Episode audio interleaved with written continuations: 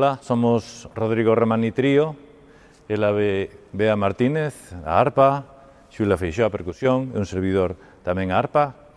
E vimos a tocar a música que facemos habitualmente, que normalmente pois é música de tradición oral, e, digamos que eh, combinada con composicións propias e composicións de outros, e actualizada ao presente. Hasta aí, pois é todo mm, moi, moi normal, porque afortunadamente hoxe en día hai moita xente que fai eso, O que pasa é que eh, a originalidade neste caso ven a partir da fórmula que utilizamos, que son dúas arpas e percusión, dúas arpas célticas, eh, que é un, unha formación non moi habitual en, en Europa. A partir desta sonoridade, pois construímos o noso discurso, Eh, tamén botamos man de algúns elementos, como por exemplo, pues, externos a, a, a esta combinación, como por exemplo, pues, a ocarina, pois digamos algunhas cousas, eh, bases electrónicas, eh, e algún convidado de luxo, como que hoxe presentamos, Guillermo Ignacio, que estará con nós nunha, nunha preciosa peza eh, de tradición oral tamén, E tamén a particularidade de que hoxe estrenaremos un instrumento por primeira vez en televisión, un instrumento diseñado en Galicia fai eh, máis de 500 anos. Eh, tardou algo en convertirse en un instrumento real porque ata agora foi un instrumento de pedra que estaba na igrexa na arquivolta da igrexa de San Martiño de Noia e eh, gracias ás mans dun artesán galego Luis Martins, pois eh, hoxe en día pois témolo eh, en madeira, en instrumento real, le sonará hoxe por primeira vez na, na televisión. E iso é todo, espero que pasedes moi ben. Gracias. Moi boas noites e benvidos un día máis a este Galicia Emerxe aquí en Radio Galega Música. Eu son Lucía Junquera, está comigo como cada noite para disfrutar da música en directo Moncho Lemos. Que tal? Que tal, como estamos? Moi boas noites. Bueno, para disfrutar da tua compañía, para disfrutar da música sí. e para poñernos un pouco cabo da rúa desta atractiva e ecléctica selección de concertos que nos ofreces aquí cada, cada noite de sábado e logo despois en distintas franxas horarias para aqueles que nos escoitan en, en diferido estes concertos estupendos, eh, maravillosos que nos permiten, sobre todo, facernos mm, cando se trata de artistas descoñecidos, ou se non é o caso, que é non, coñecido, non. pero sempre nos permite facernos un 30-35 minutos, pois un poquinho unha idea de por onde van eh, os seus tiros musicais e a que estilo pertecen. Eu creo que este é sobre todo un mapa moi eh, diverso da música actual que se está facendo en Galicia e dicimos actual porque claro, todos estes artistas sexan emerxentes ou xa sexan referentes, pois son actuais, non? Porque estamos non viven... falando de anos e anos de trayectoria, pero que siguen facendo boa música. Ou seja, que non fan como fago eu, que siguen poñendo Gavilán o Paloma de Pablo Braira, senón que no, no. fan música actual, que se renovan. fan, fanse renovando, eh, son artistas que continúan, eh, bueno, aínda que fiéis, como en este caso, a unha liña moi coñecida e moi popular, son novedosos, aínda que van pasando os anos, que é un pouco a gracia, non? Ese é un pouco o talento de moitos artistas non quedarse eh, ascritos a etiqueta da nostalgia, a repetir clichés, a repetir músicas, senón que van evolucionando. Eh, despois, cando me contes, eh, bueno, cando anuncies quen vai a ser o, o noso convidado de hoxe, vou te contar unha cousinha. Que xa anunciou el, pero nos facemos como que é sorpresa. Venga. Para manter a emoción. Veña. Pero cando falamos destes eh, grandes nomes da nosa música, temos que falar, eh, seguramente eh, moita xente fale, de Rodrigo Romaní un dos fundadores de, de Milladoiro. Despois nos estenderemos un poquinho nesa, nesa parte máis coñecida polo gran público, pero sí. creo que hoxe además nos tes preparado un programa para centrarnos precisamente na figura de, de Rodrigo Romaní. Eu decía isto que eh, recordo unha entrevista con el hai algún tempo que mm, manifestaba sempre o seu interés eh, o feito de mm, ele é profesor, adícase uh -huh. ao mundo da didáctica, dicía que le encantaba lle traballar con xente nova porque eso alimentaba, eso permitía en algunha medida medida estar aprendendo sempre das novas xeracións. Por eso o que decíamos, non que non está anclado na nostalgia e nuns clixés, senón que estás alimentando constantemente das novas creacións e daquilo que, que aporta a xuventude coas novas tendencias e que están sempre un poquinho, inda que sexa por unha cuestión xeneracional, máis pegados ao que, o que se fai agora mesmo, non?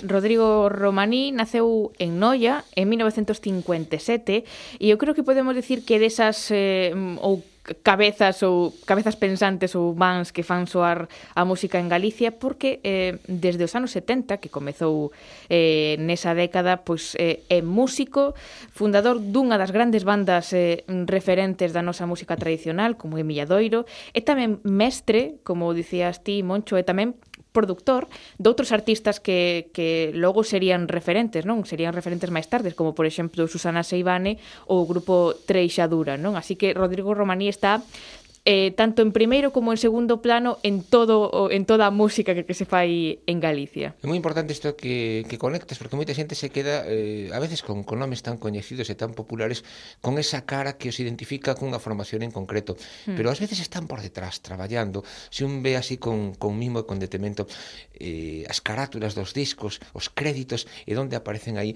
moitas iniciativas, estamos hablando, por exemplo, da Orquesta Son de Seu, que mm. está tamén detrás, e logo que ti decías, non?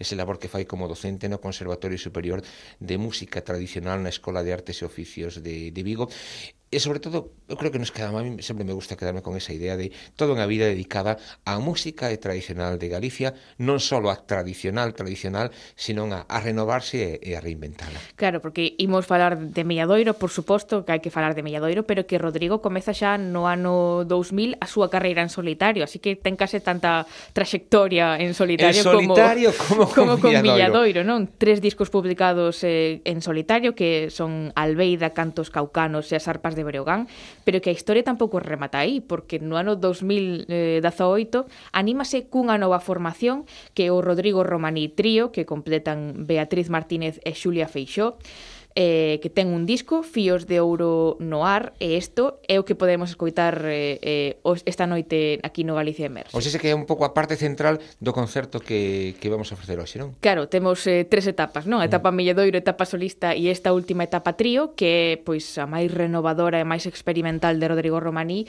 que é a que ven presentar hoxe no Galicia Emerse, así que se che parece podemos comezar sí, a escoitalo. porque ademais estou encantado, porque é a parte que eu máis descoñezo de, de Rodrigo claro. Romaní, supoño que os moitos ointes vais pasar o mesmo. Entón, é unha posibilidade de descubrir esa outra faciana, esa outra cara dun artista que coñecemos fundamentalmente o que ti decías, polas súas eh, os seus magisterios e evidentemente pola súa etapa en, en Milladoiro. Vale, pois encantado e, e a disfrutar deste desta outra cara artística e creativa de Rodrigo. Pois aquí está Rodrigo Romani coa súa arpa, co seu trío, con este disco Fíos de Ouro no ar. Música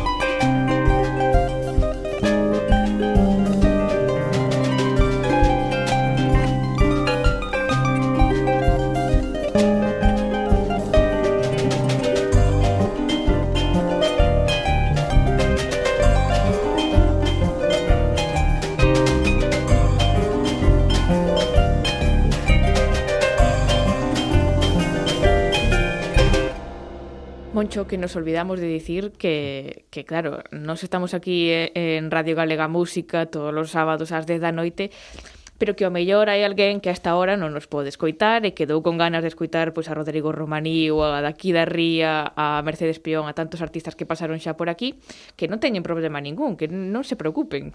Para eso están os podcast eh, colgados nesa páxina web Compañía da Radio Televisión de Galicia, buscan aí eh, este programa e teñen a última edición que estamos agora emitindo sí. e tamén as anteriores, sin data de caducidade, porque ademais son contidos absolutamente atemporais, grabados no seu momento na, na Cidade da Cultura en Santiago de Compostela, para en algunha maneira transmitir un pouco durante estes meses de, de pandemia, pois esa sensación, aínda que nunca é exactamente o mesmo, pero sí evidentemente poder transmitir os eh, máis eh, achegados ao mundo musical galego, o que a música en vivo e a música en directo sacada un poquinho de contexto, sí, pero necesaria tamén e abrindo un pouco as espitas esa normalidade que máis pronto que tarde seguramente volvamos a recuperar en seguiña siña para volver a disfrutar destas músicas e aquí escoitamos dentro que ti decías antes eh, a grupos que reúnen a 15, 20 mil personas nun macroconcerto, ata artistas como é o caso de hoxe, que disfrutamos moitos máis en estes concertos intimistas, en estes pequenos escenarios. Recordo moitos concertos, ademais, de, de Rodrigo Romaní en lugares maravillosos, en mm. igrexas, mm. en escenografías eh, vinculadas a, a historia, a monumentos de, de Galicia, e aí parece que, que entran dunha maneira distinta e que poñen unha, unha sonoridade especial, non? Imagínate a, a este trío de Rodrigo Romaní na igrexa da universidade, un estes espazos, non? Máis música de cámara, pero que tamén teñen o seu espazo aquí neste Galicia Emerxe, nestes concertos en directo na, na Cidade da Cultura, que tamén é un espazo maravilloso e moi innovador así para escoitar música en directo.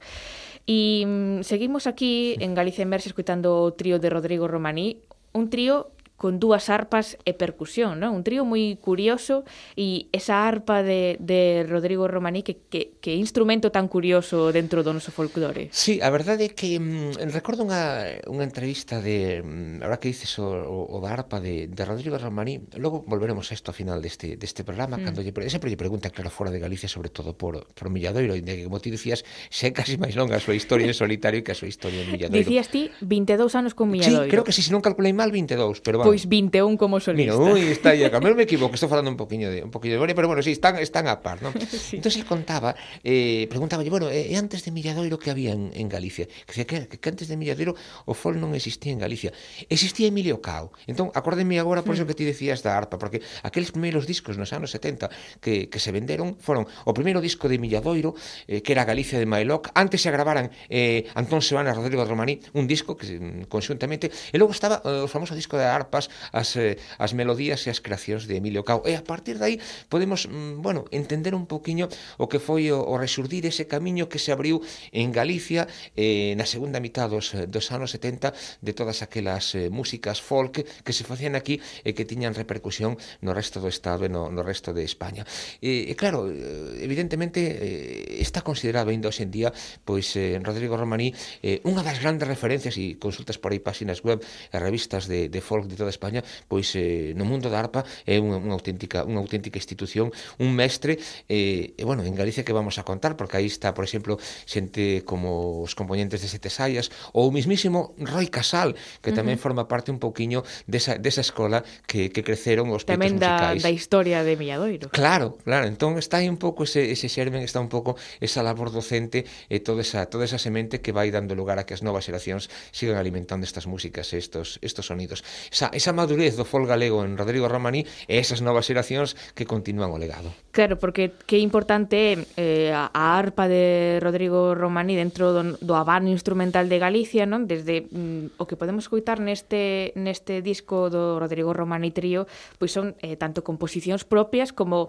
grandes clásicos da música tradicional como a Muiñeira de Chantada, e todo pasado polo filtro da arpa e que consigue que, que a Muiñeira de Chantada, por exemplo, soe eh, a muiñeira de chantada en arpa. Non? Eh, a importancia que ten eh, darlle protagonismo a un instrumento considerado complementario, que sea un uh -huh. pouco a, a grandeza, non convertir un concerto eh, en donde o foco sonoro este no mundo da arpa cando ata o seu tratamento pois eh, prácticamente pois era un instrumento de, de acompañando de acompañante, perdón, dentro de, do xénero do xénero folk. Aí está un pouco uh -huh. esa, esa historia que podemos aplicar a este músico de que creou escola non só pola súa labor docente, claro. senón por este protagonismo da, do mundo da arpa. Pero que crea escola eh, literalmente, non? Porque uh, por el pasan tamén as novas xeracións de arpistas que saen da súa aula no, no Conservatorio Musical de Música Tradicional na Escola de, de Artes e Oficios de Vigo que el mesmo eh, fundou en 1996 o sea que Rodrigo Romaní está eh,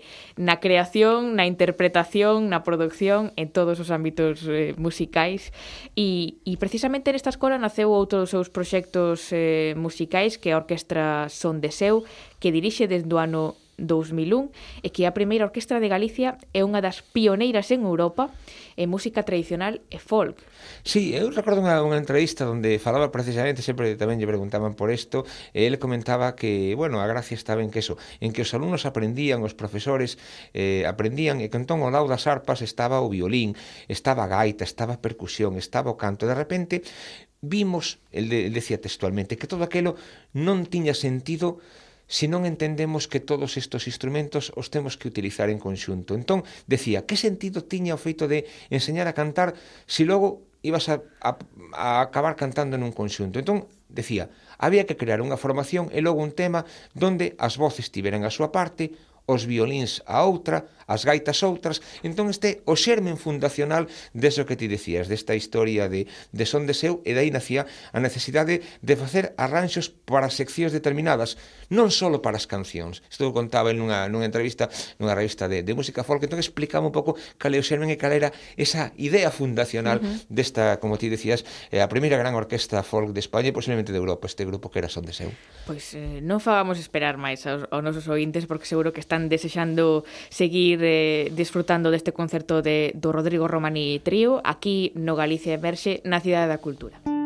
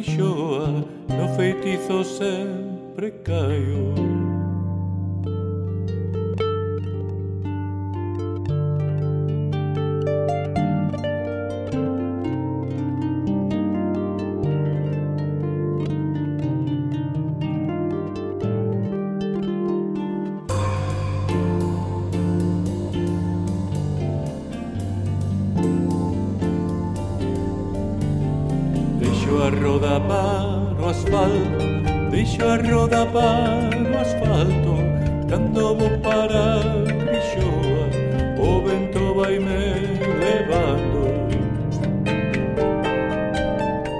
Cando vou parar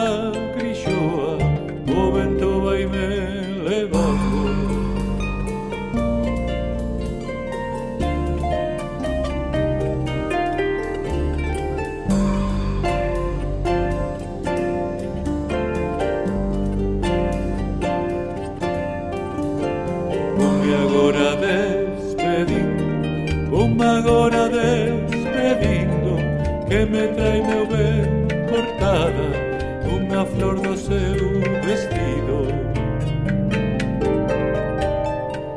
Que me trae meu ben cortada Unha flor do seu vestido.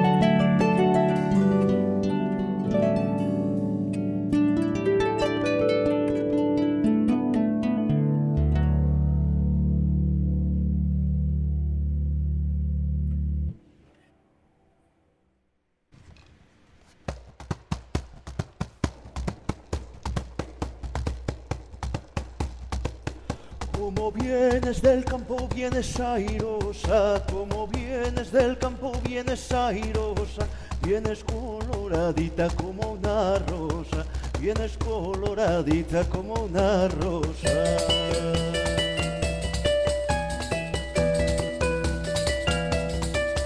De la ribera vengo de ver un prado, de la ribera vengo de ver un prado, y el galán que me ronda vive engañado, vive engañado.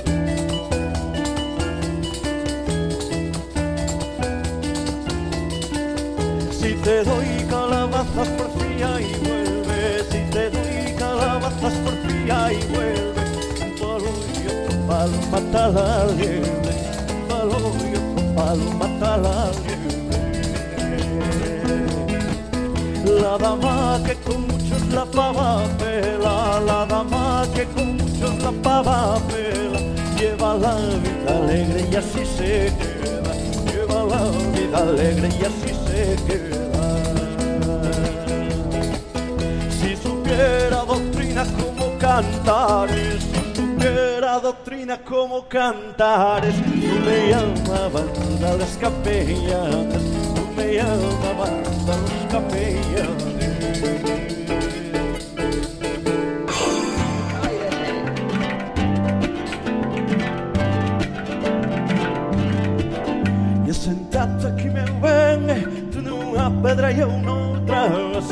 aquí me ven Tu numa pedra e eu noutra Aquí choraremos só e a nosa fortuna pouca Ai a la la la la la la Ai a la la la la la la.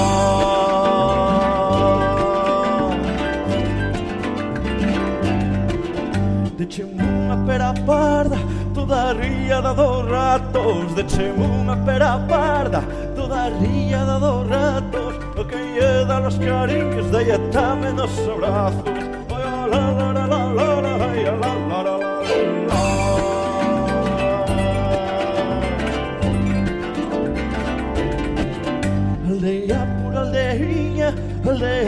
lei, ole, ole, por a leiña, ole, por a lei, ole, ole, por a leiña, coma do piñeiro non é, a la la la la la la, a la la la la la la. Ei, Vámonos de que quería, Vámonos de aquí que é hora, vámonos de aquí que é día Vámonos de aquí que é hora A vida dos namorados toda se vai de parodia la, la, la, la, la, la, la, la, la, la.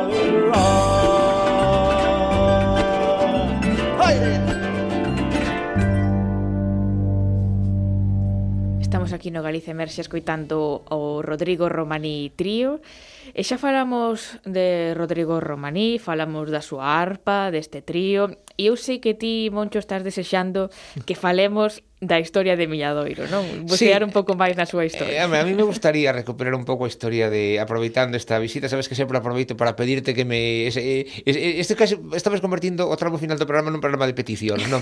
Entón eh... a todo andaremos, a todo andaremos. Pero ainda nos queda concerto de Rodrigo Romaní. Vale, eh, pois pues, eh? pero apunta, non, apunta, apunta, apunta, apunta, para despois. Si sí, tamén é importante recalcar que este ano foi Premio Laseiro 2021 Rodrigo Rodrigo Romaní precisamente para trascender un pouco a importancia de, de, de deste home moito máis alado do mundo do mundo musical, un premio que otorga uh -huh. a fundación que leva o nome do o nome do, do artista.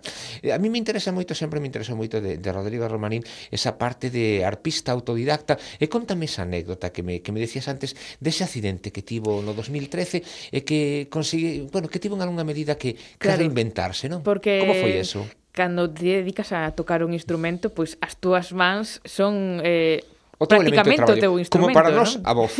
Exactamente. Entón, claro, ali polo ano 2013, eh, Rodrigo Romaní sofreu un accidente co que perdeu pois eh, parte dunha falanxe dun, dun dedo, dunha man. Eh, E claro, que faz neses momentos, non? Eres mestre, tes un, unha serie de estudantes e alumnos ao teu cargo, e o que fixo Rodrigo Romaní pois foi apartarse un pouco desa docencia para reinventarse e eh, eh, reaprender un pouco a súa forma de tocar a arpa. Eh, o sea, bueno. que creou unha, eh, digamos que técnica personal para interpretar a arpa, o sea, para seguir podendo tocar. Sí, sí, que iso di claro, moito claro. del como músico e como mestre, como non? Ter tamén, que, ¿no? eh, digamos, desaprender un pouco as súas formas de tocar a arpa para reaprender e aprender de novo pois, eh, como interpretala e como tocala e como sentirse cómodo de novo eh, co seu instrumento. Curioso, porque ademais tamén isto me, nos permite recuperar un pouco, claro, poderíamos facer aquí casi medio programa contando todos aqueles premios e todos aqueles galardóns que ten, pero por exemplo, sabes que a mí me gusta moito falar de cine, de feito, tamén cobro por falar de cine moitas veces, sí. entón, bueno, el tivo o Goya, a mellor banda sonora, eh, levou tamén o Pedrón de Ouro, un premio María Casares, eh, o Premio Nacional de Folclore no ano 2017, e logo eh, é interesante tamén o que o que ti decías ao principio principio de presentando este este programa, non?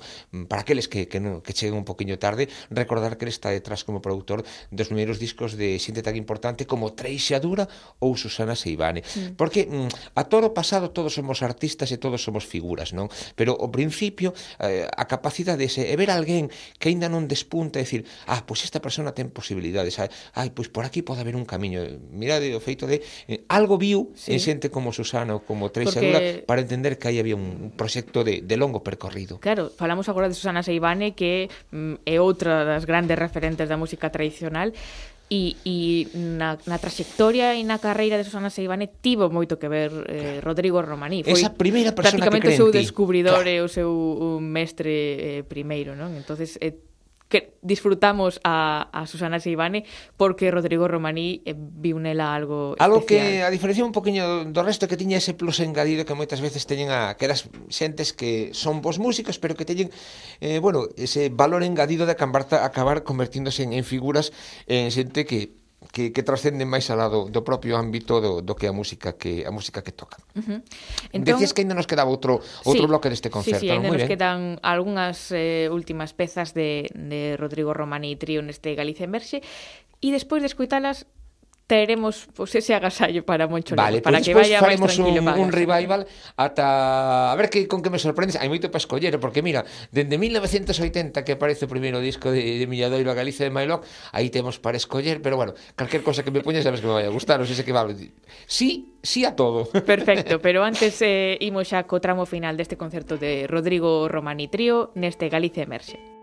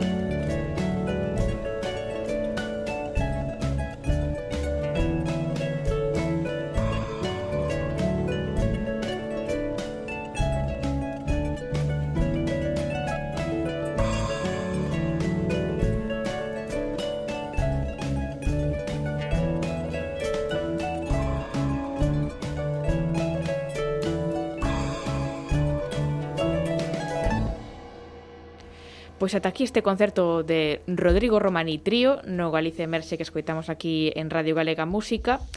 Eh, xa sei que, que Rodrigo Romaní o mellor para as novas xeracións pois non é un nome tan coñecido así por si sí mesmo, pero se falamos de Milladoiro, seguro que sexas eh, novo, bello ou, ou a idade que teñas a idade que teñas, xa coñeces algo máis e sabes da, da importancia que pode ter Rodrigo Romaní na nosa música. Sí, se andas máis próximo aos 60, para ti o, o nome de, de Rodrigo Romaní, eh, se si eras amante da música folk, vai, in, vai unido ao de Antón Sebane, non? Sí. Eh, isto era como no, naqueles anos 70, no Atlético de Madrid, que eran Gárate e Luis que iban xuntos. Bueno, ou eh, Leiviña e Pereira, non? No Atlético de Madrid. Bueno, pois pues que eran Antón Sebane e Rodrigo Romaní, que foron os, os fundadores de, de Milladoiro, que, bueno, que andaban no, en en grupos, tiñan amigos en, en grupos como Voces Ceibes, tamén estaban interesados na música culta e, e medievalista, entón empezan a descubrir, empezan a interesarse tamén pola, por grupos que facían música folk nas festas e nas romerías. Un pouco, un pouco desa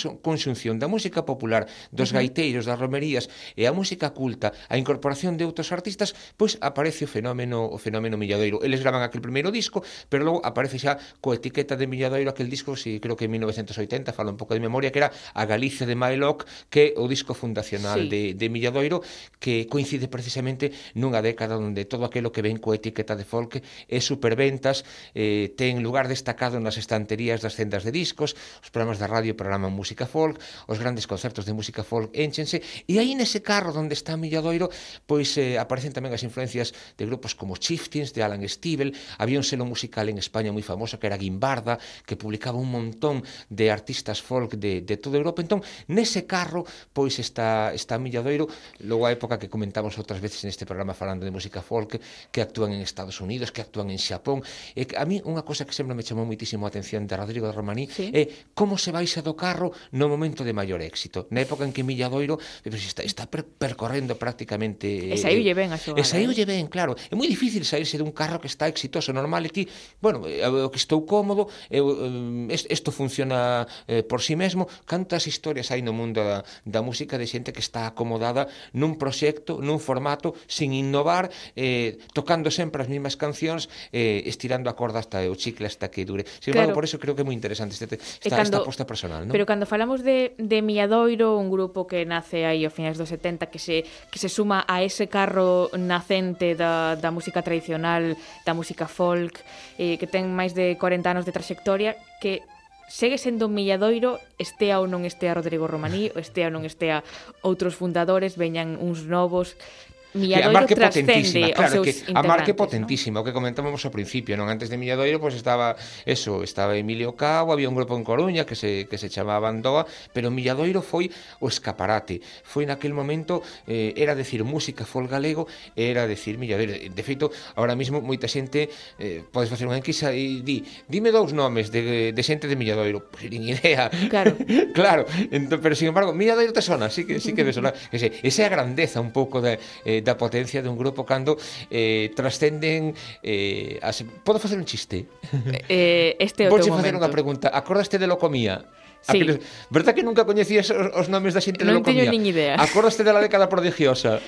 Bueno, a ver, aí xa me pillas. Verdad que nunca coñecías os componentes de la década prodigiosa? Pois isto, hombre, salvando as distancias, isto, eu tampouco, eh, por eso digo, sí, sí, sí. isto é un pouco a historia, non é? A imaxe impotente tamén en grupos en grupos serios, entre comillas, como Milladoiro, pois, pois pase eso. Eh, a etiqueta eh, supera os seus, os seus propios componentes. 40 anos de traxectoria, eh, nin máis de menos que 20 álbumes de, de estudo e logo outros máis eh, en directo e outras eh, pues, esos grandes éxitos non? De, de Milladoiro dende aquela Galicia de Maelo ata o disco Atlántico no 2018 eh, a música de Galicia ten leva por nome Mía Doiro, podíamos decir, e así que que mellor forma de despedir este Galicia Emerxe que coa súa música. Pois volvemos ás orixes de, de Rodrigo Romaní precisamente con estos minutos finais con Mía Doiro. Un placer, como de costumbre, pasarme por aquí, Lucía, como cada, Igualmente, cada semana. despedimos este Galicia Emerxe este sábado aquí en, Gal en Radio Galega Música con esta danza e contradanza de Darbo